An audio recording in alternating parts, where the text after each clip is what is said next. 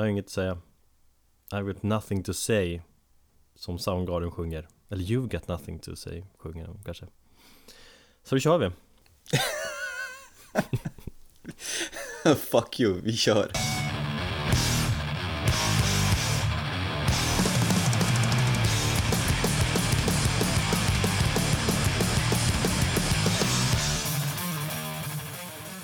Du lyssnar på Metalpodden avsnitt 30 3 nolla eh, Välkommen Jag heter Erik och min vapen poddbroder heter Thomas Tjena Tjena Erik. Du, eh, en sak som jag tänker på här innan du börjar fortsätta. mm. Du har slagits lite, eller slagits, vad fan heter det? Du har dragits lite grann.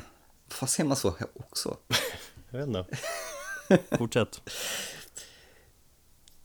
Du har hållit dig med lite douchiga uttryck på sistone. Är det någonting nytt? Och du tänker på lyfta skrot som jag skrev för en liten stund sedan till dig Ja, pumpa patte och förra veckan så eh, snackade du om kvalla. Jag höll mig verkligen eh, för att liksom kommentera det, men eh, jag tänkte, är får vara, men fan kvalla kan man ju inte säga. Du låter ju som en Carlings-försäljare.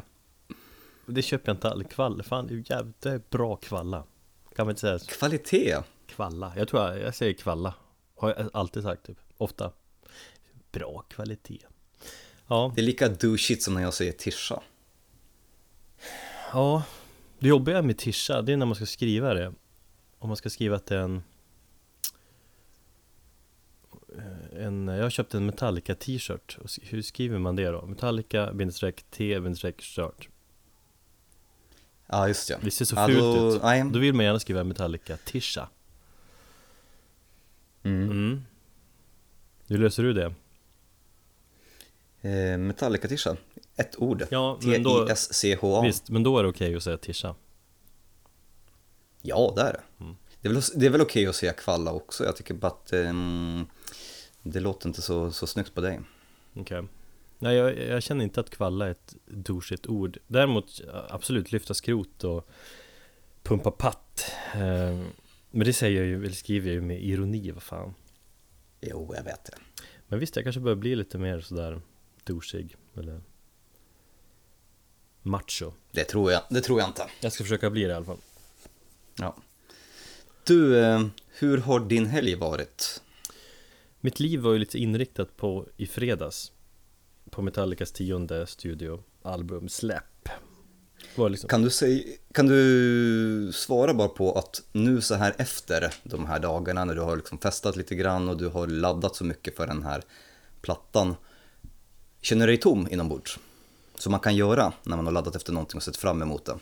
Det känns mer skönt faktiskt Och känslan att det är bortgjort nu eller vad man ska säga Jag var ju så jävla Okej. speedad och nervös Förra veckan. Det blev speciellt på slutet, jag blir sån jävla taggning. Och så blev det en hel del alkohol i fredags För att liksom Tygla nerverna lite grann sådär. När började du med ölen? Ja men Inte så jättesent eller tidigt nog men fyra där omkring. Kom jag hem Sprätte vi en bärs. Och sen var det ju ganska intensivt. Och sen har jag varit sliten resten av helgen. Men ändå nöjd. Mm. För skivan känns Ja men i och med att skivan känns i, i stora hela jävligt bra så Så ja, det är kung Jag kan nu fortsätta med mitt liv och tänka på annat Så det är så, det är så jag känner Ja, men vad härligt att höra. Ja, som sagt, jag är besviken på att jag inte lyckades eh, få se dig och eh, vara med i den och dela den här Metallica-glädjen med dig. För du var så jävla peppad där. Överallt. mm. På Christo- sociala medier, var man pratade med dig, överallt så var det bara ja, det var livsglädje deluxe. Kristoffer sände ju live på Facebook också. Okej, uh, Som jag delade på min Facebook Som jag tog bort dagen efter. Känns lite pinsamt. Där. Uh, Nej men det var, ja, det var jävligt bra pepp. Och nu är det över. Men du, eh, hur illa mådde du i lördags då? Ja Nej alltså jag mådde inte illa Huvudvärk Inte sov så mycket Du vet Sliten Sen försökte vi Skulle vi dricka öl igen på lördagen där och Gick ut och åt, tog en bärs, men var så jävla trötta så att vi gick hem och typ somnade Då bara, Men det var värt det. ja, slut men liksom lycklig ändå Ska vi snacka lite grann om plattan så här? För du har väl lyssnat igenom den några gånger? En gång? Två? Eh, jag har nog lyssnat på den fem gånger. Jag tror jag drog på den. Eh, jag satte på den klockan sex på morgonen i fredags. Och sen så lyssnade jag på den oavbrutet fram till klockan nio. Mm. Och sen sa fuck it, nu har jag hört den här plattan, det räcker. Jag har bildat mig en uppfattning. Den är bra. Jag känner inte att jag har något behov av att lyssna på den några fler gånger efter det här. Bara sådär, alltså du kan släppa den nu Jag kan det, men Alltså jag, jag kan tänka mig att jag återgår till den plattan någon gång vid något enstaka tillfället, men då kommer jag förmodligen sätta på de, lo, lo, de spåren som jag tycker är, är bäst. Och jag kommer nog inte lyssna på plattan i sin helhet igen. Eh, Och det är ungefär som med de flesta av de här banden som har, de här klassiska banden, säg Slayer, Repentless, en bra platta men ingenting märkvärdigt, ingenting som jag känner att jag behöver lyssna på. Eh, går jag tillbaka och lyssnar på Slayer så lyssnar jag på deras klassiska album. Samma sak med Iron Maidens eh, The Book of Souls. Lyssnat på den två gånger, känner inte att jag vill lyssna på den igen. Och jag tror det kommer vara likadant med den här. Men det är en eh, bra platta för att vara Metallica. Vad betyder det då, då egentligen? För att, för att vara Metallica, de här metalgudarna som har gjort helt sjukt bra skivor för länge sedan Om de gör en bra platta att vara Metallica, då måste att det är en om man jämför med andra band, jävligt bra platta. Eh, ja, men, eh, och det är ju som jag har sagt, jag tror till och med jag har sagt det i den här podden någon gång i begynnelsen, är att, eh, och det som jag skrev i våra lilla diskussion som vi hade, den här hetska dis- diskussionen som vi hade i fredags och i lördags på Facebook, vi? i vår lilla musikgrupp, Jaha okej, med det, ja. Att eh, status quoen för Metallica har ju ändrats. Det är ju inte längre det här klassiska bandet som släpper bra plattor, utan de senaste 20 åren så har de ju egentligen varit synonymer med mediokra släpp och någon form av negativitet. Så att när Metallica släpper någonting bra så är det ju förvånansvärt för många därför att man är ju van vid att Metallica inte ska släppa någonting bra. Förstår lite grann hur jag... Jo, det Resonerar. förut. Och det är det jag menar, att för att vara Metallica de senaste 20 åren så är det bra. Det är, alltså, jag är ändå, jag är ändå nöjd att du tycker att det är en bra platta De spåren som de först spelade, alltså vi snackar om de här tre singelspåren, de har vuxit ännu mer. Ja. Eh, jag tycker Moth Into Flame är riktigt, riktigt bra. Eh, jag älskar eh, det här lilla gitarrlidet och refrängen. Eh, Atlas Rise har vuxit. Eh, ja, och sen så är det väl den här Spit Out The Bone är rätt bra. Sen finns det väl två, två låtar som jag inte riktigt föll mig i smaken. Vilka var det? Dream No More och eh, Man Unkind. Mm, intressant Mm, de känns lite för bredbenta, Ja, lite kalsongrockiga. okej Fint, så tycker du Jag, eh, ja, nej men jag, jag tycker att det är en, en jävligt bra platta Nu behöver ni sjunka in mer liksom ja, Mm. Det är ju så, ja, det är så många minuter musik 88 minuter, eller vad är det? 80 minuter Så det måste ju liksom sjunka in och det tar ju några veckor innan låtar sjunker in på det viset Men Bra sång, feta riff, fina så här harmonier och, och allt sånt, sånt. Eh, Jag tycker framförallt att det är en väldigt ärlig platta eh, Den känns mer genomgående ärlig än, Death Magnetic På vilket sätt menar du då? Där tillbringar de mycket tid liksom att hitta rätt väg att gå De hade mycket diskussioner, ska vi gå in på det här spåret, ska vi gå in på det här spåret För de har ju hela tiden fram till den plattan velat utveckla sig, göra någonting nytt och inte velat titta bakåt Jo, sant. Medan Rick Rubin var inne på att, liksom, att de skulle bejaka sitt forna jag och, och gå mer old school och hitta tillbaka till sitt ursprung och, och den grejen. Och det är ju det de har gjort på den plattan. De flesta låtarna är liksom ja, mer eller mindre snabba thrash-dängor liksom. Mm. Men, eh, och det är mycket så här, tänkt mycket där eh, hur de velat låta. Men inför Hardwired Self-Destruct här har de egentligen bara kört på. Lars hade ju, Lars, dansken, har ju gått igenom typ 1500 idéer som han haft på sin iPod som han snackade om eh, och, 1500? ja, ja men riff typ som, som de har liksom rekordat De har ju snubbe med sig som spelar in allt när de jammar liksom inför alla eh, konserter och så och så ett jävla helvete att gå igenom sånt Att vara typ Metallicas stora eller personliga anteckningsblock. mm. Är det ungefär så va? Met Mixer på Instagram Faktiskt eh, ganska intressant snubbe att följa Han sitter alltid med Det hade jag faktiskt ingen aning om. Nej, men han är Mike Gillis heter han va? Han har ju varit med sen, ja, tidigt 2000-tal Gillar att springa maraton och lyfta skrot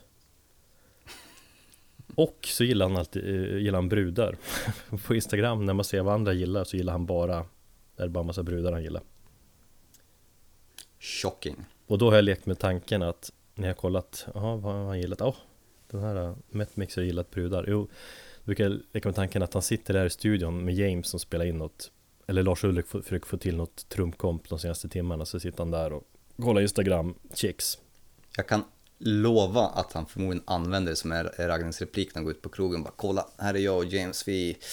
Nej, han frågade min eh, synpunkt på, på ett riff. Och så får han lägga. Ja, det fanns säkert Men jag tror han har tjej eller fru eller något Skitsamma Vad var jag? Jo men Lars, 1500 idéer som han plockat ut ner, Eller plockat ner till 40 stycken typ. Och, och så har de byggt låtar utifrån det och gått tillbaka till studion Några omgångar. Och bara liksom gått with the flow Så att säga. Så det känns Jag, men Jag tycker det känns ärligare också att de har De har fler långsamma låtar med Tunggung och mellantempo en, en del Load och Black Album-vibbar. Istället för bara liksom försöka det här snabbare thrashandet Även om det är ju, det är Mm. några sådana också Så Ganska bred platta på många sätt Den är varierad och det kan jag hålla med om. Eh, Jag gillar verkligen den här mer melodiska sidan. Ja Och det, jag menar, gör man inte det så förstår jag att, att man inte tycker den här plattan är bra Men gillar man allt Metallica släppt Alltså Alla delar av Metallica eh, Så gillar jag den här plattan jävligt mycket också Men jag tycker att just nu låtar som Vad heter den? Dead, Now That We're Dead uh, Hail on Fire, Spit Out The Bone tycker jag är jävligt bra Och bäst just nu tycker jag faktiskt att Dream No More är Den går jag igång på mest just nu Det är jättemånga som går igång på den. Eh, Och jag, jag, jag hittar inte någonting som... Jag tycker den är bara mjäkig. Den är ju tung och liksom The thing that should not be uh, känsla i Mm. och så. Det, Möjligt. det går jag igång på. Sen kan jag väl tycka att Lemmy-hyllningen där Murder One tycker jag verkligen är rätt sådär. Den har jag liksom inte alls fastnat för. Känns ganska krystat med den här sångtexten också. Att de har tagit liksom albumtitlar och ja, sjung om Lemmy sådär. Även om det är fin gest sådär. Men den som låt tycker jag inte är så märkvärdig alls.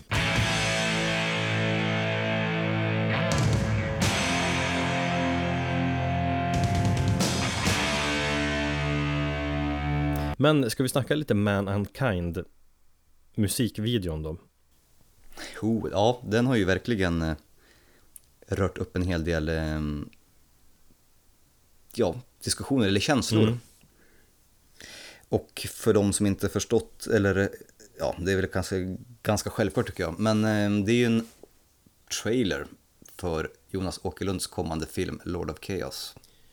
Men är det officiellt sagt att det är då? Alltså när man säger en trailer då kan ju missförstås liksom Vadå, hur då trailer? Men Nej, det är väl kanske inte en officiell, men det är väl en någon form av promotion. De personerna som är med i den, den videon, det är ju de personerna som kommer porträttera respektive black metal eh, artist som filmen handlar om i själva filmen. ja, Mayhem eh, helt enkelt Ja, precis. Eh, plus lite folk runt omkring scenen. Men det är ju mycket snack om eh, musik, är det, är det en hyllning av Jonas Åkerlund eller är det en parodi som många menar då liksom Man får inte driva med, med det här bandet efter allt som har hemskt som har hänt och sådär eh, Eller är det bara att Jonas Åkerlund är lite Lite geni, eller geni är att han är jävligt smart Att marknadsföra dels hans kommande film på det här sättet jag tror att det är en eh, blandning av att han ger blanka fan i vad folk tycker och att han nog vill provocera. Han har gjort lite sådana musikvideos förut om man tänker på Rammsteins uh, Pussy, heter den så? Just ja. Mm. Och typ uh, Prodigy-videon där Smack My Bitch Mm. Up va? Just ja. Så Mm. han gillar ju liksom, eller typ uh, Cardigans när Nina där får typ huvudet Eller vad är det som händer? Jo men hennes huvud går av typ i det My favorite game Mm. va? Just ja. Mm. Bra låt förresten. Ja. Tycker jag. Eh, nej men jag tror, jag menar som, jag vet inte hur mycket in, insatt han har varit i själva black metal-scenen. Visst, han var ju trummis för Bathory, fast det var ju precis i början där innan han sen liksom försvann. Och sökte sig efter en filmkarriär istället. Och jag menar de senaste åren i Hollywood har ju väl säkert ja, visat en, en annan sida av honom. Jag eh, lyssnade faktiskt på en eh, podcast, Nordmark-podd, där eh, han blev intervjuad av Nordmark i, vad heter han? Ja, nu minns jag inte hans förnamn, men i alla fall snubben i Fire- Fireside. Per heter han va? Jag har också hört det avsnittet Mm. Och där verkar han ju vara... Han verkar skita i rätt mycket, mm. tror jag. Utan han kör på sin grej och, och sen så lär väl folk tycka... Men jag tror faktiskt att i, den här, i det här fallet så tror jag att han har fått en, han sitter i en sits där han kan jävlas och eh, eh, provocera black metal-folket. Och vilket han uppenbarligen har lyckats för de är jävligt eh, upprörda. Mm. Eh, samtidigt som han har hittat en plattform för att kunna promota sin egen film. För jag tror säkert att filmen kommer vara betydligt eh, mörkare än så här. Eller den kommer nog inte ha någon speciellt humoristisk ton, det tror jag inte. Nej, det är svårt att säga, liksom vad har Åkerlund regisserat förut? Har han gjort någon Han film förut? Alltså, Ja, han har gjort en film som jag... Ja, jag kommer inte på den. Han har gjort en spelfilm som blev väl... Den blev lite så halvt bra mottagen. Eh, Jag tror väl någon som försök på att göra någon form av snatch train spotting. Du vet, det var den typen av... ehm, Just ja, ja, vad var Mm. den hette? Det var den typen av filmer som var populära när man hade många olika historier som vävdes ihop och man hade snabba klipp och handhållen kamera. Det kändes mest som en enda lång MTV-video fast ja, en och en halv timme lång. Nu minns jag inte vad filmen hette men den fick rätt ljummen kritik för mig. Jag har sett den och jag var väl inte så jätteimponerad. Nej, det är svårt att veta vad, vilken typ av regissör han är när man, när man inte sett så mycket filmer Eller ingen alls då i mitt fall Men eh, det, ja, Om man kollar på YouTube-videon Mankind eller kollar kommentarerna där så har han ju verkligen lyckats För det är jättemånga som vad, är det, vad är det för band? Varför gör de så här? Vilka det är? Och så är det de här De kunniga som förklarar att men åh Vad fan kan du till din Mm. mayhem Historia så Plötsligt har ju miljontals bokstavligen Människor globalt runt omkring i världen har, har plötsligt koll på den här filmen Eller, eller i alla fall eh, vad som hände där i Norge tidigt 90-tal Just ja. Så ur det perspektivet är det ju eh, genialiskt från Åkerlund Sen, ja, han är väl, jag tror han, han vill väl hylla dem också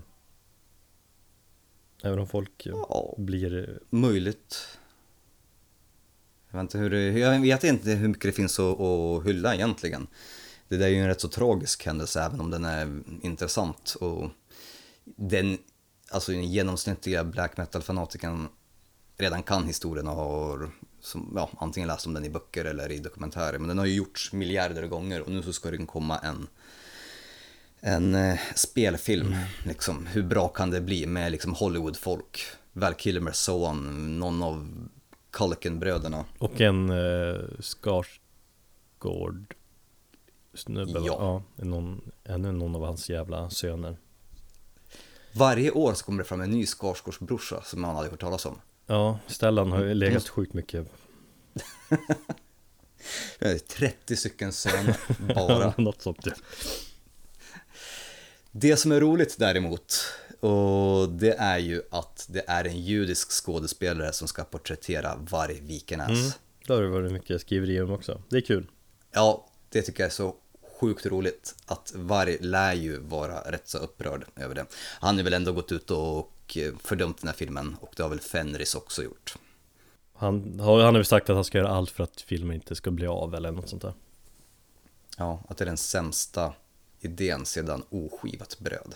Fast det är fullt logiskt att det blir en film om det ändå Speciellt när, det- Ja, när, det har gått så, ja, när det har gått så många år så jag menar, det är ju en fascinerande händelse Inom underground Ja. liksom Hårdrocken Så att vad fan Klart det ska filmatiseras Ja, jag är skeptisk till filmen men jag kommer definitivt vilja se den och jag är faktiskt, jag ser fram emot att och, och, och se den även om jag inte tror att det kommer bli speciellt bra resultat. Men ja, vi får se när den, när den väl kommer.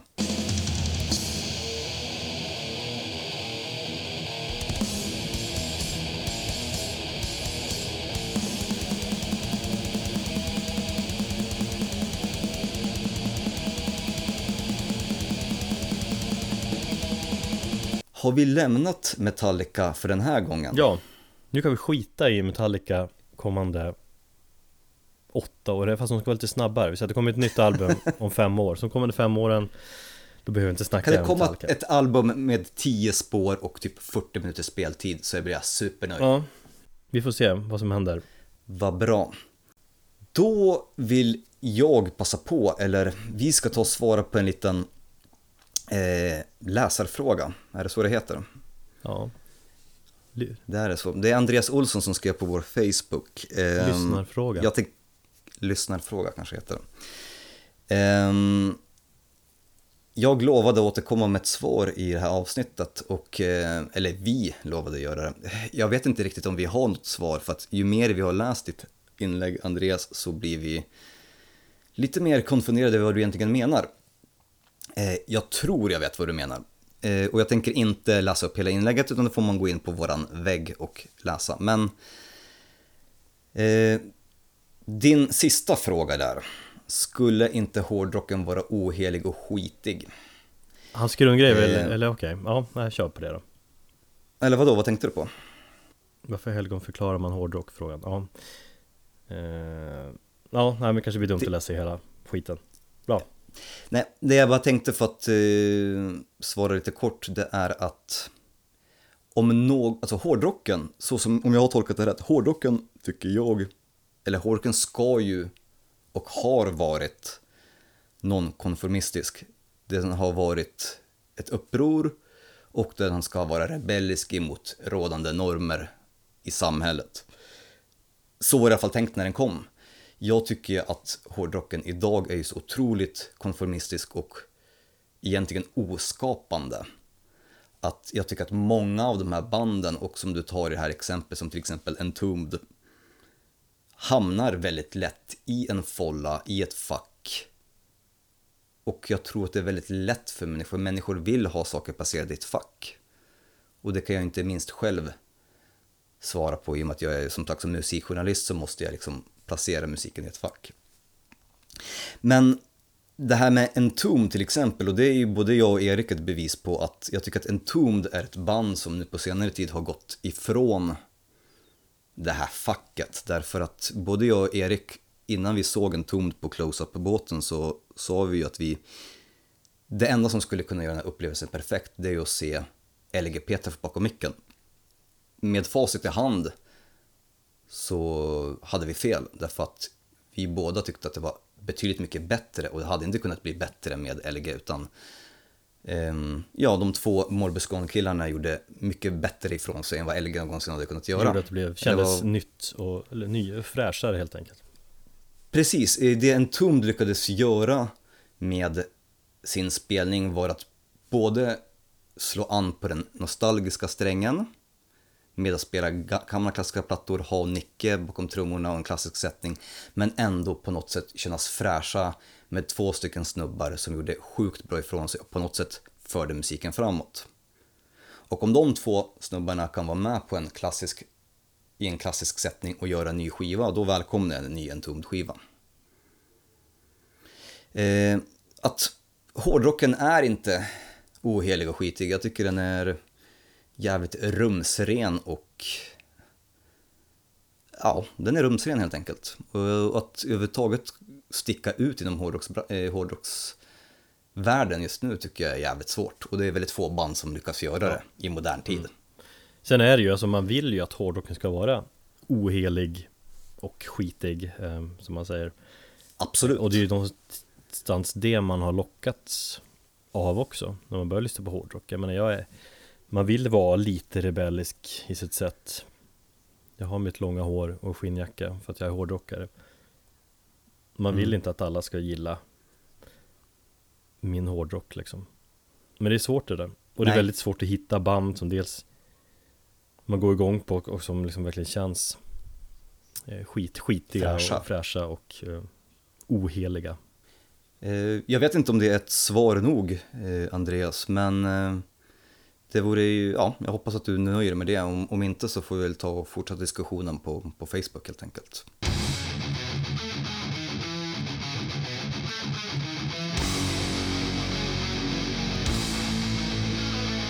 Mike Williams, sångare, frontman i I Hate God och en fantastisk poet och människa. Jag har inte träffat honom personligen och pratat med honom, men vad folk säger så verkar han vara en väldigt fantastisk människa. Jag pratade med Aron här i helgen och han sa att eh, han var ju hur skön som helst att prata med. Jo, Han eh, ligger för döden, jag ska säga. det vet jag inte riktigt om han gör, men han eh, har ju haft sviktande hälsa de senaste två åren och då har vi också tagit upp här i podden att han har mm, ställt in spelningar och både Randy Blythe från Lamb of God och Philip H. Anselmo, eh, Vita Vinet-killen, eh, har ju hoppat in och eh, hjälpt bandet när inte Mike Williams kunnat. Eh, och nu kom det fram i, vad tror jag det var, i fredags, eller om det var fredagskväll, att eh, han, hans lever har gett upp. Och eh, jag vet faktiskt inte om det är hans, om det är någon släkting eller om det är Michelle Mayher Williams heter hon som har eh, startat en donation där målet var, var att få ihop 50 000 dollar. det är hans Så att eh, han fru. kunde... Det är hans fru, okej. Mm. Ehm, få ihop 50 000 dollar så att han kunde få en levertransplantation. Och i stunden så är de faktiskt, har de nått målet. 50 742 Det är jävligt coolt och roligt. Och jävligt Ja. häftigt eh, och bara på en sån kort tid. Det är, vad kan vi säga, tre, ja, tre fyra dagar. Mm. Och han är godkänd för, eh, för en eh, transplantation också, så nu är det bara att vänta. För problemet där var att i och med att han är före detta drogmissbrukare, nu har han ju varit clean sedan 2007 vad jag har förstått. Och att han eventuellt, ja, inte skulle kunna ha blivit godkänd eh, för eh, en sån här kostsam donation. Men det verkar som att det kommer gå vägen. Och som slog en när man läste ja, hennes eh, brev då, eh, eller inlägg om det hela. Det, eller man visste ju att han var illa däran, men inte så här illa. Nej, För han är ju sängeliggandes på sjukhus och får inte lämna det. För att hans lever pallar inte. Eh, han har haft ganska många turer med hans lever också. Men det är förvånande lite grann också att han har fått dra ut på turné och så har liksom levern lagt av igen. Eh, återgått till sjukhus, legat där, åkt ut, fått åka ut på turné igen. Alltså att läkarna har godkänt och så har de hittat han liksom i, Ja, liksom eh, på, på golvet i eh, hotellrummet liksom. ja. Konstigt att han har fått vara ute så mycket ändå, eller att de har som missbedömt eh, hans lever, att han ska fungera normalt igen. Grejen är att vad jag förstått så har det inte just lever, han fick ju njursvikt också tror jag ett tag, men han lyckades, hans kropp, han blev ordinerad vila och hans kropp har lyckats återhämta sig. För, för om man läser det här brevet så verkar det som att han har klarat sig rätt så bra själv genom att bara vila och ta det lugnt. Och har varit inne ute i sjukhuset, men nu hade det tydligen kommit till den punkten där att han hade, liksom, nu var det fara för hans liv. Sen så har ju inte alltid i media synts vad som har varit exakt och hur, hur allvarligt det har varit för de har inte gått ut med det, utan det är ju nu det för första gången man får se det i det här öppna Hon brevet. skriver ju också att han är väldigt privat av sig, så att det, han har ju hållit mycket Ja. hemligt. Eh, Men vi får hoppas att han inte hinner duka under. Det känns som att han varit ganska nära att gå bort eh, några gånger i sitt liv. Ja, det här är en människa som sätter sig på en greyhound-buss och åker 26 timmar över hela USA bara för att kunna läsa upp lite poesi inför två människor på en liten bar någonstans i USA. Och sen sätter sig på greyhound-bussen och åker tillbaka. Och det enda han krävde var att få husrum. Jävligt, jävligt stort. Och jag, som sagt, jag, jag blev väldigt illa berörd så jag donerade pengar där. Det första jag gjorde när jag vaknade upp på lördag morgonen och läste det här. Eh, för att hans texter har betytt väldigt mycket för mig. Jag tycker redan det här varit ett jävla skitår eh, och för många artister har gått bort. Så att jag hoppas att han eh, återhämtar sig snart och kommer tillbaka. Det får vi hoppas. Så ni får donera pengar om ni känner för det. Vi, lägger upp våran, eller vi lägger upp länken på vår hemsida senare och ja, som ni, som ni vet så har jag, finns det ute på Instagram och Facebook också om ni känner för att pitcha in lite grann.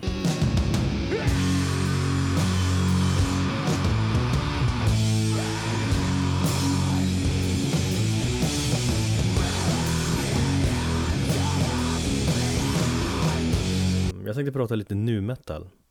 Eller new metal. Ooh, och där droppade lyssnarskaran. Denna bespottade hårdrocksgenre. Nej men ni som lyssnar och känner att absolut inte pallar denna hårdrocksgenre på något sätt överhuvudtaget kan ni sluta lyssna nu. Eller så hänger ni med för det kanske kan bli en intressant diskussion. Jag har ingen aning om vad du vill ta upp Erik. Du är ingen nu metal kille heller va?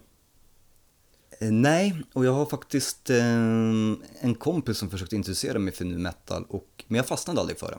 Du gick inte omkring med Adidas eh, träningsoverall och hade spikes i håret i slutet av 90-talet? Spikes hade jag 98. Eh, Adidas overall hade jag inte, men jag hade Adidas skor. Men då var det lite halv nu metal ändå? Om man bara syftar Ja, på stilen liksom. Ja, mycket möjligt, men eh, rent musikaliskt så lyssnar jag inte på den. För jag vet att, var det 99 tror jag Linkin Park kom. Ehm, och en kompis försökte introducera mig för dem och det var som jag sa till någon kompis som jag pratade med här i, jo, Max, min, eh, min kollega på jobbet. Anledningen till att jag fastnade var att jag tror att jag bara var kanske två, tre år för gammal för den, för jag hade redan upptäckt mycket grövre musik. Jag hade upptäckt dödsmetall när jag var 14. Ehm, ja, jag gick ju på första året i, på gymnasiet. Eh, jag var 15-16 där när um, Linkin Park kom och hela den vågen slog igenom. Så att för mig så var det så här, nej, nej, det här, det här är ju bara mjäket. Jag har ju fan Six Feet Under och Dismember och Dark Funeral att lyssna på. Så det var anledningen till att inte jag gick igång det. Men hade, det, ja, hade jag varit född 85-86 så mycket möjligt att jag hade gått igång på det. Och jag som är äldre än dig lyssnar en hel del. Vad fan. Jaså? Ja. Jävla Ja. posör. Nej men eh, nu metal, hela genren, man kan säga, slog igenom i slutet av eh, 90-talet. Blev extremt populärt innan den började dö av några år in på 2000-talet. Spontant ska jag väl säga att de att genren rasade lite intresse där runt 2003 kanske. Ja, Alltså, 2004. Ja, började ja. fasas ur lite och därefter Det baserar jag på känsla men eh, Visst, det är inte så hett med nu metal idag men, Och ändå så snackas det om en revival. Va? Ja, Det Det är helt ju missat snack- ja men grejen är att jag ser inte vad den här revivalen skulle kunna vara förutom i ett avseende. Linkin Park är väl fortfarande, om vi börjar så här. Vilka är de stora nu metalbanden? För jag tror inte jag har någon koll på det. Det är Linkin Park.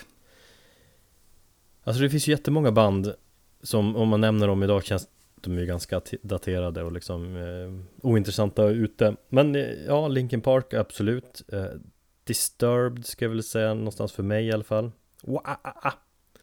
eh, Band som ja, Mudwayne Vad heter det? Oh, just ja, fy fan de är så jävla dåliga. Cold Chamber Cold Chip.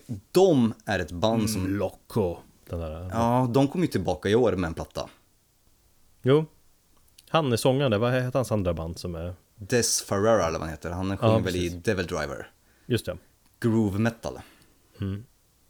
Eh, Men flera, Papa Roach är ju också lite så här punkigare nu metal kanske Men vänta, de började väl, ja, för, för, för inte nämna ordet punk och Papa Roach, de började ju som ett rap metal eller nu metal band, sen så började de väl göra någon sleaze.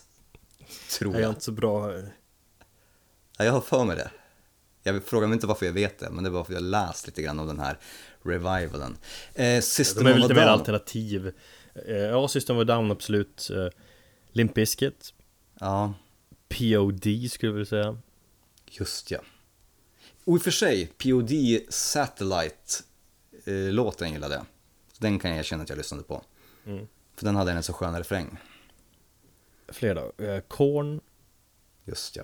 såklart. Eh, Crazy Town. Oh. Får jag ge mig. Du, när du snackar om kvalla och lyfta skrot och sånt, då är det faktiskt det bilden på sångaren i Crazy Town som jag får upp i, huvudet.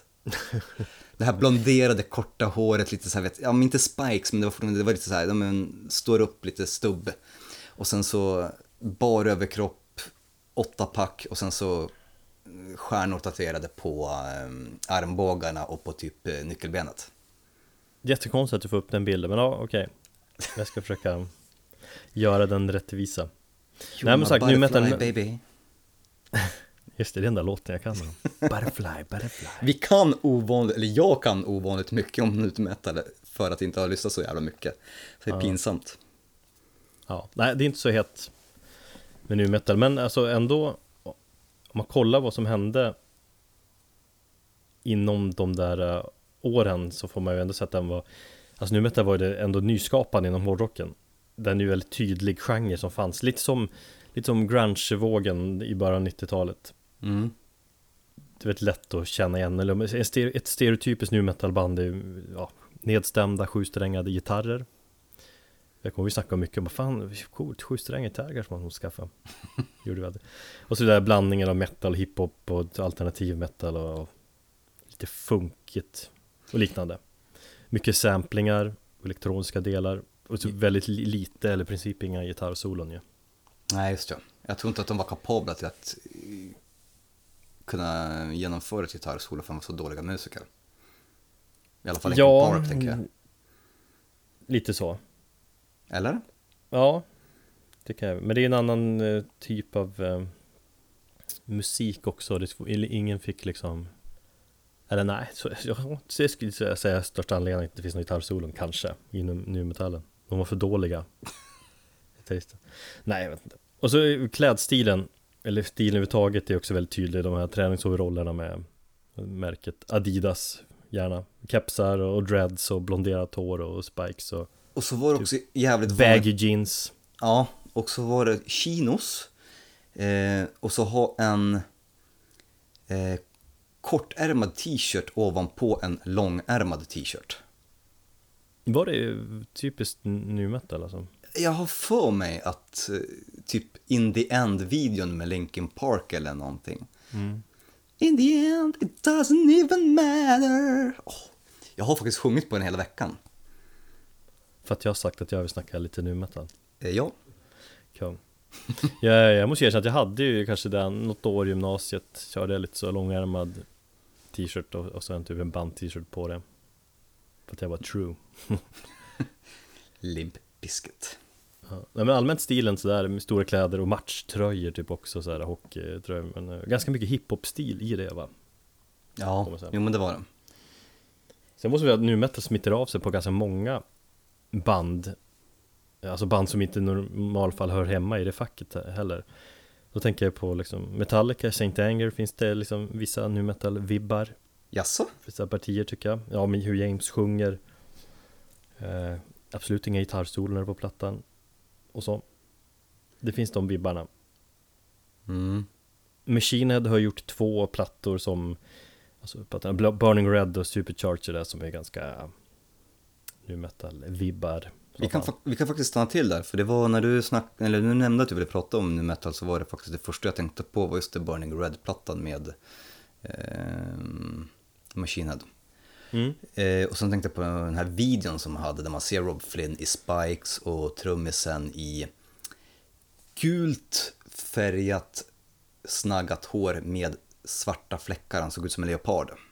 Det är fullt möjligt att jag kommer till den videon snart Okej, okej. Ja, men i alla fall, vi kan, vi, vi kan ta den plattan för att eh, absolut, det är, den ses ju som en stor jävla skamfläck på bandets, eh, i bandets karriär. mm. Eh, jag tycker att Rob Flynn har ju mer än väl upprättat sin heder efter det, i och med att de släppte både Through the Ashes of Empires och The Blackening. Så jag kan köpa att det var något försök om att modernisera sig eller testa på någonting annat. Även om många tycker att han var en jävla trendhoppare och är en jävla sellout. Eh, det finns jättemycket på den plattan som är nu metal, bland annat hans rap och sånt där. Men han är ju samtidigt även ett jävligt stort fan av hiphop. Mm. Och jag tyckte han, inte för att jag gillar rap, eller den typen av rap, men han gör ju, tycker jag ändå, eh, rätt så bra ifrån sig. Sen så var det ju fortfarande stundtals väldigt hårt. Han hade ju till exempel sina grymtningar och det här som han är jävligt känd på från de tidigare plattorna. Absolut. Och sen så älskar jag eh, Message in a Bottle. Och det är väl en cover på The Police va? Exakt. Och slut, sista spåret, eh, avslutningen där, eh, The Burning Red. Som är en låt som handlar om självmord. Jävligt bra snack. Jag har ungefär eh, tänkt att säga ungefär samma sak. Förutom covervalet där som jag tyckte var häftigt då. Men sen nu efterhand när jag lyssnar på det tycker jag det är lite så här, äh, den här kunde de ha skippat helt. Okej, jag kan erkänna, jag har inte lyssnat på den låten på säkert 15 år. Så att eh, jag ska faktiskt ta och sätta på den efter att vi är färdiga här. Mm. Jag kanske tycker att den är jättedålig nu. Men jag vill minnas att jag tyckte den var bra. Eh, vi återkommer till Machine Head lite snart. Mm. Ett annat band som också färgas lite av nu metal, för att ge ett exempel då, är ju Slayer, eh, Diabolus in Musica. Tycker jag har Just ja. mycket nu metal-vibbar också. Jo, Så det påverkade väldigt många. Eh, och när man, så här, när man kollar tillbaka nu är det mycket som känns skit liksom. Men det fanns ändå en hel del bra och intressanta grejer. Som kanske kommer då lite i skymundan när man snackar och diskuterar nu metal. Um, men jag, bara om jag får stanna det där. Eh, mm, Om vi säger så här, visst, nu metal kanske inte ses som en direkt milstolpen inom hårdrockens historia, men nu i efterhand så kan man väl kanske säga att eh, den på något sätt revitaliserade hårdrocken, för den hade ju dött under tidigt 90-tal, grungen, hiphopen kom, och sen så kom den tillbaka i den här formen och fick ny styrka. Jag vet inte, är det någonting du kan hålla med mig om? absolut. Alltså just metal, Att den var tvungen att gå igenom den här skitiga fasen med att blanda sig ihop med de här stilarna för att kunna komma ut och starkare på något sätt. exakt som en reaktion mot den här nu metal-vågen så kommer kom det tyngre grejer igen. Ja, precis. Så, så, så var det absolut. Mm. Bra. Eh, Men jag lyssnar en hel del på Just i slutet av 90-talet var ja, en hel del som var nu metal kopplat All right. Som du hade kanske en, en power metal tid någon gång Så Mm. hade jag en eh, tydlig nu metal era där också Så jag tänkte snacka lite så här eh, ah, någon, någon typ av lista här då Sex stycken nu metal ögonblick eller man ska säga Jag vet inte om det är så en topp sex på något vis men eh, Lite så grejer som kanske står ut på olika sätt De bästa eller de sämsta eller de, de som bara är mest framträdande kanske ur, ur den här perioden? Nej men som ändå är bra och intressanta grejer Ja. Fan vad Jag spännande. vet inte, jag får väl höra, tänka efteråt vad, vad det är för typ av lista egentligen men Hatbrev skickas till metalpodden gmail.com. Och så är det Erik i ämnesraden. Precis Och nu har jag kanske tagit lite grejer här som kan tänkas uppröra utifrån din synpunkt också, vi får se Spännande. Kör. Mm, vi börjar här då. Eh, Om man säger Limp Bizkit så kräks man ju lite i munnen när man hör det bandnamnet ändå. Lite grann ja. De tog ju liksom hela den här nu metal grejen till nästa superkommersiella nivå. Eh, De har ju faktiskt sålt fler skivor än Korn har jag kollat upp. Det är lite lustigt eftersom det, ja, på sätt och vis var ju Korn som upptäckte bandet snackas det om. Eller att ja, de tog med Limp Bizkit som förband innan de ens var signade. Och, ja, det var stor anledning till att de slog igenom. Var deras genombrott den här låten Nucky? Nej, jag tror den kom på första skivan lite grann. Eller jag vet inte, men eh, vilken skiva de verkar slå. Ja, det kanske var den. Mm. Uh, jag, alltså, nej, men jag har lyssnat lite grann på Limp Bizkit nu, testa. Eh, men det, ja, jag har väldigt svårt att göra det. Och det, det hade jag då också egentligen. Jag minns när jag såg dem på Hultsfred 2001. Då hade jag druckit några öl och tänkte att jag såg att Fred Durst gillar att stå längst fram, långt ut på en pelare typ i publiken. Så jag tänkte att fan, jag ska tränga mig fram och nypa han mellan benen. Det var, det var min idé i alla fall. Uh, nypa Fred Durst på kuken. Så, så idéer man får för sig ibland. Lyckas du då? Nej men jag tryckte mig längst fram och det var ett jävla tryck där framme då. Jag pressade mig fram och så lyckas jag få fram handen, men jag lyckades inte mer än att jag typ slog till hans fot eller något sånt där. Och det var någon vakt som blev asförbannad och skrek åt mig, så då avlägsnade jag mig. Men idén var i alla fall just då att lyckas slå honom på Mitt mål i livet är att nypa Fred Durst på kuken. Just mitt mål då, just där och då så var det Så nej, alltså Limpiska har inget för, varit någon, någon superfavoritband, de blev lite för kommersiella, även om jag kan liksom absolut eh, erkänna att den låter som rolling, rolling, rolling så här. Det är jävligt kommersiellt briljant låt. Bara musikvideon och grejer när de har den här rolling-dansen och grejer. Tjej, kvinnliga dansare där som är utklädd till Fred Durst och kör samma. Vad heter det, den här Mission Impossible-låten, den kan jag väl erkänna att den diggade någon vecka. Ja, det var, exakt. Just när filmen den var lite kom. cool sådär. Det var 2000 ett, tror jag. Right, ja. Det känns lite coolt. Eh, däremot har jag alltid liksom i hemlighet smygdiggat gitarristen Wes Borland. Eh, han brukar utmärka sig genom att måla sig på alla möjliga olika sätt. Mm. Så det ganska, man ska bildgoogla honom, Wes Borland. Uh, bildgoogla och fascineras hur han ser ut på scen och sen. Och han har en lite speciell gitarrstil ändå. Uh, i brist på bättre ord här nu som vanligt tycker jag att han har skrivit en del Eller ganska enkel men eh, svängig spelstil mm. Eh, och du nämnde just Nuki där Just det riffet kan jag om några till kan jag tycka, fan det här är ju Det här är ju fan rätt bra sväng ändå och sen kommer, sen kommer Fred Durst in där och känner att, ah fan Just Wes, eller hans eh, spelstil kan jag, ja I smyg ha, ha gillat vid några tillfällen så vi kör lite Nookie-riff där tänkte jag. Åh oh, fy fan alltså.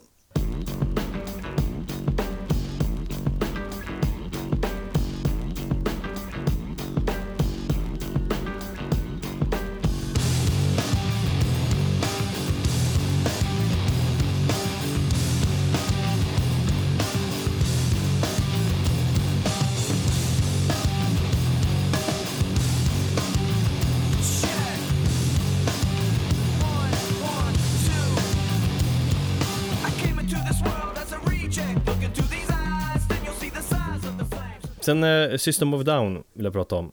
Eh, ganska svårdefinierat band ändå.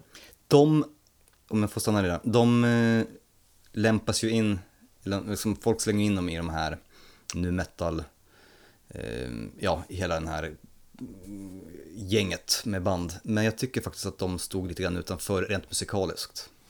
Absolut, alltså det är ju, det är ju thrashiga grejer och lite alternativ metal, progressiva saker men men absolut nu metal element har de ju också. Ja. Och så det är blandat med Mellanöstern grejen liksom i och med, i och med deras eh, Armenska eh, folkmusik va? Ja, i och med att de har armenisk, armeniska rötter.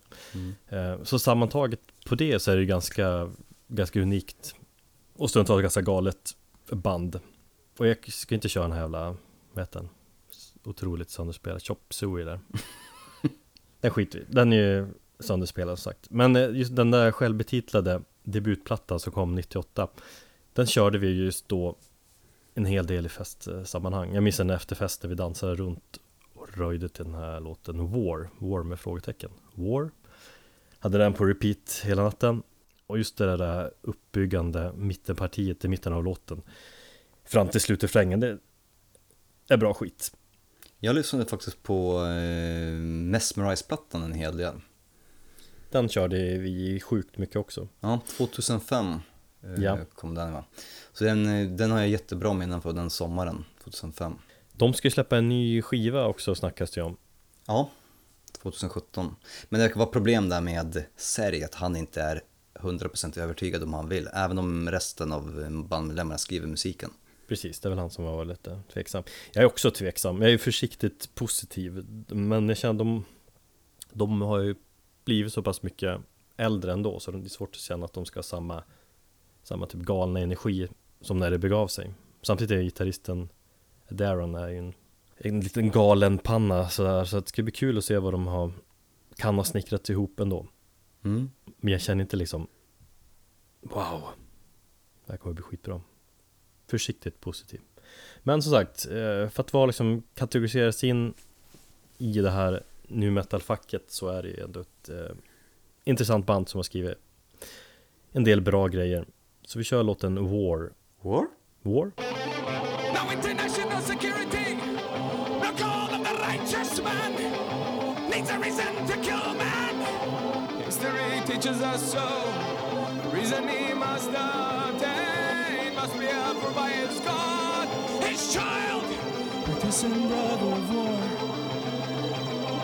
Of war. We don't speak anymore of war. We don't speak anymore of war. We don't speak anymore of war. We're all we're gonna We will fight the heathen. We will fight the heathen. Härnäst vill jag prata lite om eh, briljanta Deftones. Just ja, det är också ett band i, i den follan. Mm. Och även om de, ja, de helt klart tillhör de ju nu metal eran så kör de verkligen sin grej också. Det, så jag kan känna att det är det enda band som fortfarande kör på väldigt aktivt och gör det bra. Och som jag fortfarande engagerar mig i. Ja, Dock så måste jag erkänna att eh, jag har lyssnat eh, väldigt lite på senaste plattan. Har du lyssnat mycket på den? Många gillar ju den. eh, mycket vore väl att ta i.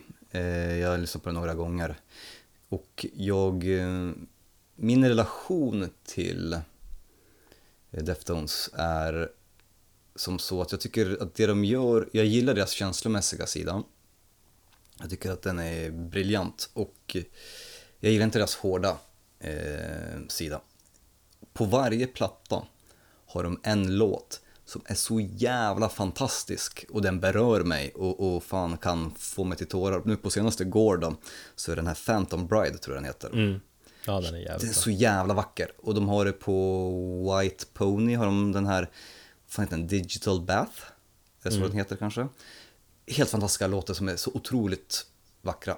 Men that's it, de har så en sån på varje platta och, där, och, och sen så, det resten skippar jag. Nej, jag gillar dess blandning mellan just det aggressiva och den här kusliga, vackra, atmosfäriska sidan. Han är ju jävligt duktig på att sjunga, Chino Moreno. Ja, Tune har en, just han, nästan spöklik sång brukar jag likna det vid på något vis. Mm. Och på något sätt kanske den mest unika sången i inom genren också. Eh, Men jag, annars håller jag med mycket om att det, jag, jag gillar också de här atmosfäriska grejerna bäst. Även om jag kan uppskatta de aggressiva sidorna också. Jo.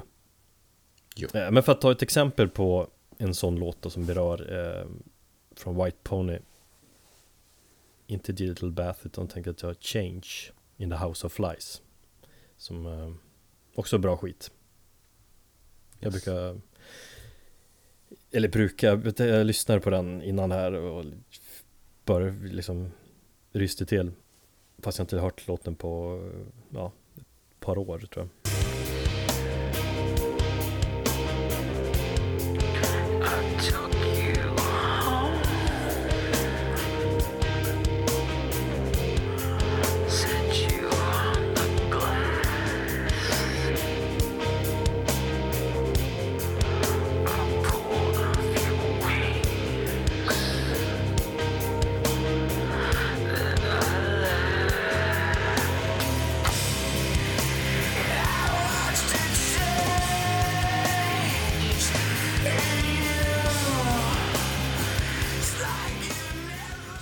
Tillbaka på Machine Head där Som du snackade om. Just ja. Och att du sa att det var ju typ det jag Ja, jag håller- med dig mycket där. Men de får ju, ja, de får ju fortfarande mycket skit från Just den här Burning Red och Supercharger-plattorna. Vad var det Phil Anselmo kallade för deras Negro years? Jo. Eller vad han uttryckte sig. Mm. Tveksamt uttalande. Kan man ju tycka. Ehm, Men eh, det var videon till From This Day som du tänkte på från skivan The Burning Red. Just ja. Så den ska man titta på. Eh, det är svårt att inte fnissa just för att det är den här nu metal-looken. Standardmall A. Ja, precis. Den, den videon om något fångar ju den här eran så jävla bra. Och det är ju dels frisyrerna, musikaliskt och det här. De har, jag tror att han har på sig någon röd jävla gummioverall också. Ja, Nej, det går inte att bli mer nu metal faktiskt. Det, det var det så jävla mycket 99. Ja. Det är någon, det, han, han hänger upp och ner och sjunger i någon typ silver outfit. Ja, shit alltså. Det är helt sjukt om man kollar på nu. Vad är det? Vad fan händer? Egentligen är bara basisten Adam Deuce som inte är kvar nu längre men jag tror han håller sig ganska anonym i typ svart t-shirt och, och långt hår och headbangar. Lite mer i bakgrunden om, jag- om jag minns rätt. Han vägrade väl att klä ut sig. Han tänkte bara jävla muppar, vad fan håller ni på med? Ja, exakt. Så det, det är väldigt fascinerande. Ehm, Men som sagt, som du säger också att det är ju många som påstår att det där inte har något med Machine Head att göra överhuvudtaget Men då har man ändå väldigt fel för Machine Head är ju starkt liksom influerad av band som Biohazard och eh, mycket hiphop Ja, det, vad det fan. speglar ju musiken mycket Om man läser Rob Flynns eh, online-dagbok så vad fan hade han på första plats om det var förra året, året innan? Det var ju typ Lil Wayne eller vad han nu heter. mm. Och med de första fem, fem platserna på hans topp 20 var ju bara hiphop och sen så var det lite gammal, gammal thrash liksom. Och du nämnde, de har gjort en cover på Ice-T Colors heter den Okej. Som fanns med som extra spår på The More Things Change-plattan. Som jag kommer ihåg jag lyssnade på, jaha fan coolt. Hiphop kan ju vara ganska mörkt ändå. Ja, Eh, Men sen kan jag tycka också att de där plattorna, Burning Red framförallt, det är mycket nerv liksom och ärliga nakna texter i den, den just Machine Head-eran ja absolut. Bra exempel på det är ju låten Five Från The Burning Red som är näst sista spåret innan den övergår till eh, Ja, just till The Burning Red då som du nämnde Ja, och det är så sjukt störande att man, om man, om man har, eller det är bara jag som kanske har OCD, men du kan inte ha en låt som heter fem och ha den näst sist på, på en skiva, den måste vara på plats nummer fem. Det har, stört, det har stört mig jättelänge. Då har du ju problem Ja, ja, Det blir för tydligt då om det här skulle vara femte plats.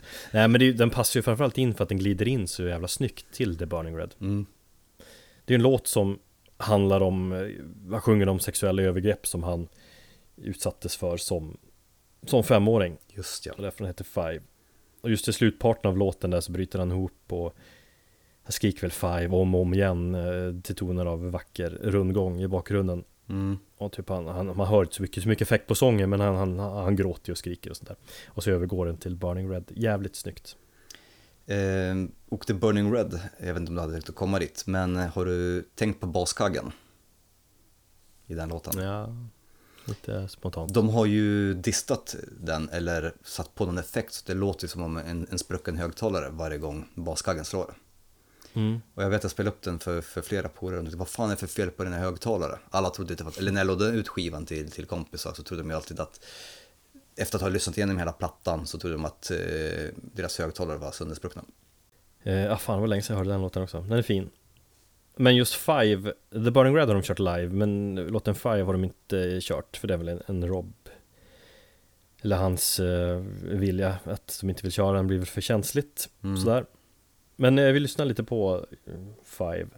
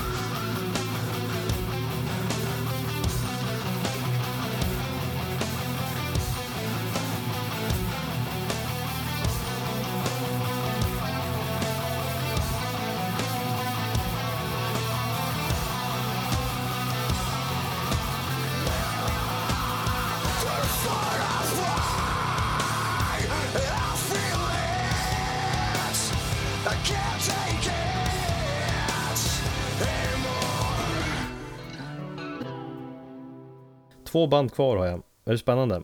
Jo. Jag är helt inne i det här. eh, men du håller ju med en hel del ändå. Ja, ja, jag skulle ju spela djävulens advokat, men det går inte så bra. Nej. För att jag har hittat de här bra grejerna med nu metal. Så efter det här kommer alla känna att fan det var ganska bra med nu metal-vågen ändå. Ja, och så kommer bara folk sluta lyssna på oss. Ja, men det skiter vi i. Nej. Jajamän. Då skulle jag vilja snacka lite grann om Slipknot. Kanske, ja, kanske det största av banden, eller hur? Ja, kanske. Eller har varit, jo, det får man väl säga. Fan. Jo. Eh, ja, fast jag kan tänka mig att Limp Bizkit har sålt mest. L- Linkin Park har sålt Linkin Park, de har sålt mest tror jag. Av Mm. alla. Men ing, det nämner jag inte på den här listan. Men, Men, eh, kanske kändaste då?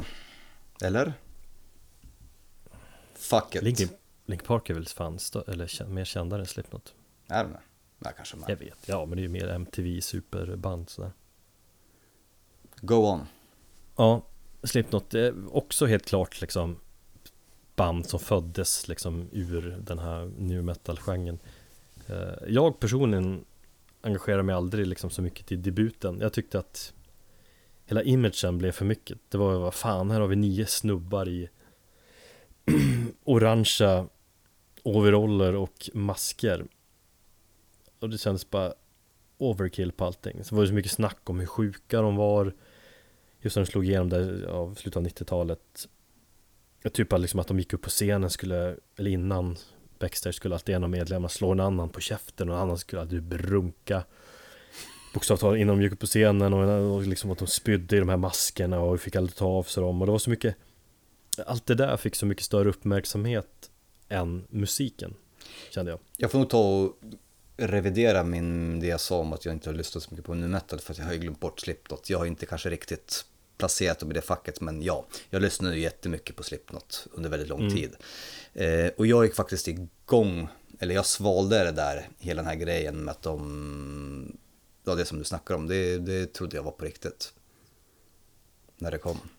Det var väl säkert mycket på riktigt också Sen insåg ju många De själva och management runt omkring att helvete det här är ju liksom Det här är ju stort Mm. Det här måste vi hålla lite hårdare koll på Men sen har de ju haft jävligt mycket problem Ja, alltså, de, är ju, Internt. de har ju varit väldigt sjuka i huvudet. Ja. Jo Men eh, så, jag tycker det kändes, det blev liksom nu metal overkill på första plattan Ehm, På många sätt Jag gillade den men liksom jag uppskattade det lite Det blev för mycket av allt liksom. Men däremot uppföljaren Iowa Just som släpptes 2001 Ja, jag tror det. Ja. Eh, Den tycker jag är riktigt jävla svinbra. Och då hade de utvecklats väldigt mycket också tänk, känns som mellan skivorna. Iowa-plattan var ju mörkare, var hårdare, var liksom dödsmetal-influenserna Mm. eh, och Ett gäng riktigt bra, mer liksom mogna låtar. Sen kan jag tycka att det är tredje plattan som är deras bästa. Men då var de största nu metal-grejerna Eller elementen var ju ganska avsågade i många fall. De hade gått vidare mycket. Volume Och mycket andra influenser i bandet. Just ja, Volume 3, The Subliminal Verses, min favoritplatta med det bandet också. Och jag tycker produktionen är så jävla häftig. Jag är inte helt ute och cyklar Vilket jag kan vara. Men det är Rick Rubin som producerat den. Och så tror jag att det är Greg Fiedelman Han som producerar nya Metallica som har rättat ljudet på den. Ja, ja men alltså lyssna på, på allting. Men, trummorna låter så jävla... Alltså, jag menar, jag är ju den som gillar egentligen lätt så skitigt ljud. Inte för skitigt, men det ska finnas någon, någon form av balans mellan skit och, och, och organiskt. Men det här är så jävla mekaniskt, trummorna låter så jävla triggade, gitarrerna låter så jävla mufflade. Och det blir bara så jävla konstigt, men det blir så jävla cool, det blir ett coolt ljud av det. Ännu en gång, lyssna på baskaggan där. Eh, på valfri låt på, på den plattan. Jag tycker det är så jävla coolt. De låter så de är så jävla tydliga. Det är som ett klickljud nästan. Istället för ett så här, ja du vet, bas-thump liksom. Precis Annars så har det väl varit Ross Robinson heter han va? Som producerat de, de två tidigare Slipknot-plattorna Ja, möjligt.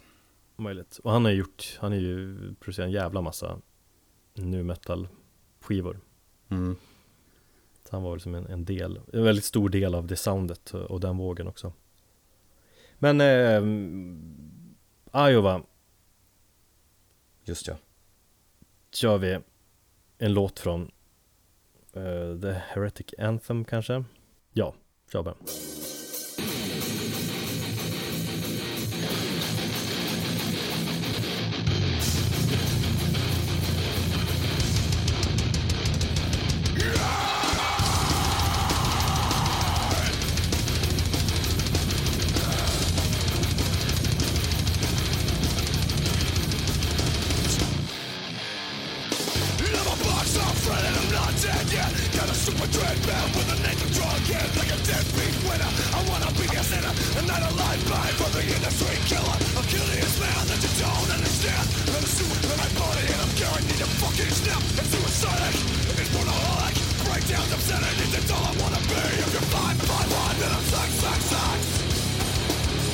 Avslutningsvis då, då vill jag nämna bandet Korn ju. Eh, jag känner ju några superkorn-nördar som skulle bli förbannade om jag inte liksom nämner Korn när man pratar nu metal. Man kan, alltså Korn är ju bandet som i, i, ja, i stort sett enskilt skapar hela genren på många sätt. Så eh, det ska de ju ha skit för, eh, med tanke på hur mycket skit som, som kom bakom dem och det så. Men samtidigt ska de ha respekt också för att de verkligen Alltså när de slog igenom så gjorde de nå- någonting helt nytt på något vis, alltså unikt. Eh, Som inte har gjorts förut, så det är det ändå inte så många band som gör idag. Eller då heller. Jag minns när jag hörde, jag tror det var 96, eh, det var då jag hörde Korn första gången tror jag. Eh, Låten Twist från andra plattan Life is Peachy. Du vet vilken låt det är? Han bara har så jävla konstiga Jonathan Davis eh, sång. Nej. Nej då tänkte jag, eller det spelas på Peter Rock där, jag tänkte vad fan är det här? Men jag gillar det ändå, eller kolla upp det, köpte skivan och liksom diggade Och sen slog de ju igenom brett som fan med plattan Fall of the Leader något år som kom efter det och då, då blev de ju super stora Men i, i mångt och mycket var det ju de som liksom Första skivan kom i 94 så det någonstans där skapades ju hela vågen. Logiskt hade väl kanske varit att spela introspåret Blind, kanske från debutplattan. Känns som att den låten startade väldigt mycket, men eh, jag lyssnade på plattan Untouchables för en tid sedan. Några veckor sedan typ. Jag gick igång så fan på det. Jag skrev en tweet om det tror jag, som du svarade på. Det var ju inte så... Det var ju nyligen va? ja, det var nyligen. Det Ja. var när jag började tänka att man ska, kanske snacka lite nu metal. Ja, Och du skrev, vad fan? Just det. du? Och det var sen jag raderade mitt Twitterkonto. Exakt, det var, det var därför. Precis. Fan, jag kan inte släppa det här riktigt att du har tagit bort din Twitter, men ja, ja. Jag har Metalpoddens Twitter istället som jag kan använda ifall jag känner behov av det. Nej men jag, då hade jag inte lyssnat på den plattan Untouchables på kanske ja, typ 10 år vad det kändes som i alla fall. Och kände verkligen att fan det här är riktigt bra. Det är en platta som är väldigt, väldigt hårt liksom producerad. Eh, med en superproduktion, tung produktion som vi inte haft tidigare. Eller efter heller känns det som. Och de höll på i evigheter med skivan. Det jag tror det var liksom, var flera år, eller två år i alla fall. Och det är klassiskt internt bråk, man blir för stora, för mycket knark, för mycket sportbilar, för mycket brudar liksom Så att det var mycket tjafs och bråk kring det hela att processen att skriva klar skivan, jag tror det kostar flera miljoner att göra klart skivan så här i efterhand har de erkänt När eh, did Korn give head to God? Det var efter den här skivan, Okej. Briljant t-shirt blev det av det i alla fall. ja Det är kanske det bästa Som har med hänt det, med den här scenen. exakt Ja, Korn gave, gave head to God, ja precis, Mm. ja, det är fan bra, lysande När han hittade Gud och blev superfrälst. Men han är väl tillbaka i bandet? Jo, han är tillbaka Ja. Och de har Och gått tillbaka ju- till rötterna på den senaste plattan som kom nyligen va? Ja, ja, det i år, eller det kom ju ganska nyligt. Jag lyssnade igenom en, en halv gång typ. Nej, jag har inte Ja. hört den, men jag har för mig att det var någon månad sedan. Två kanske. Mm, ja, precis. Så att det känns väl, ja, jag vet inte, de, de har ju fortfarande en stor fanbase men jag, jag känner att jag är liksom ganska klara med det bandet. Man trodde väl kanske på mer stordåd när Had skulle komma när han, när han kom tillbaka för han var väl ändå huvudlåtskrivare, jag tror han skriver, skrev mest i alla fall. Men de kanske inte riktigt har nått upp till det. De, som sagt, de spelar ju en stil som kanske inte, de måste hålla sig inom det. Svårt för dem att förnya sig väldigt mycket. Mm. Men så Untouchables var väl sista skivan som jag riktigt, liksom, riktigt gillade. Sen, ja, det kan ha uppskattat, eller ja, jag uppskattar vissa skivor efter det också, men jag gick aldrig igång på dem lika mycket som Untouchables-plattan. Och trots att den är så superproducerad så gillar jag resultatet, skiljer sig en del från tidigare skivor och de förnyar sig lite grann. Så jag tänkte att vi ska lyssna på låten Thoughtless. Men ska vi avsluta podden med den här? Ja, Vad bra. Ehm, då lämnar vi nu metal och power metal och kommer aldrig mer prata om det. Eller vad säger vi? förutom när det, har en, en, eh, när det kommer en revival här nu. Precis, då kan vi gå störtdyka i det. Nej, men, eh, men vad bra. Eh, med det sagt så från och med nästa vecka så kommer vi börja lite smått med att summera det gångna året. Mm. Eller hur? Yes, det blir fan intressant. Det ska bli jättekul och sen så tar vi in det i december där vi går in på djupet på lite olika plattor och ja, bara diskuterar hur 2016 har varit. Så att vi börjar lite smått nästa vecka. Yes. Så att det, med det sagt så lyssnar vi på Popcorn och vad hette låten sa du? Thoughtless.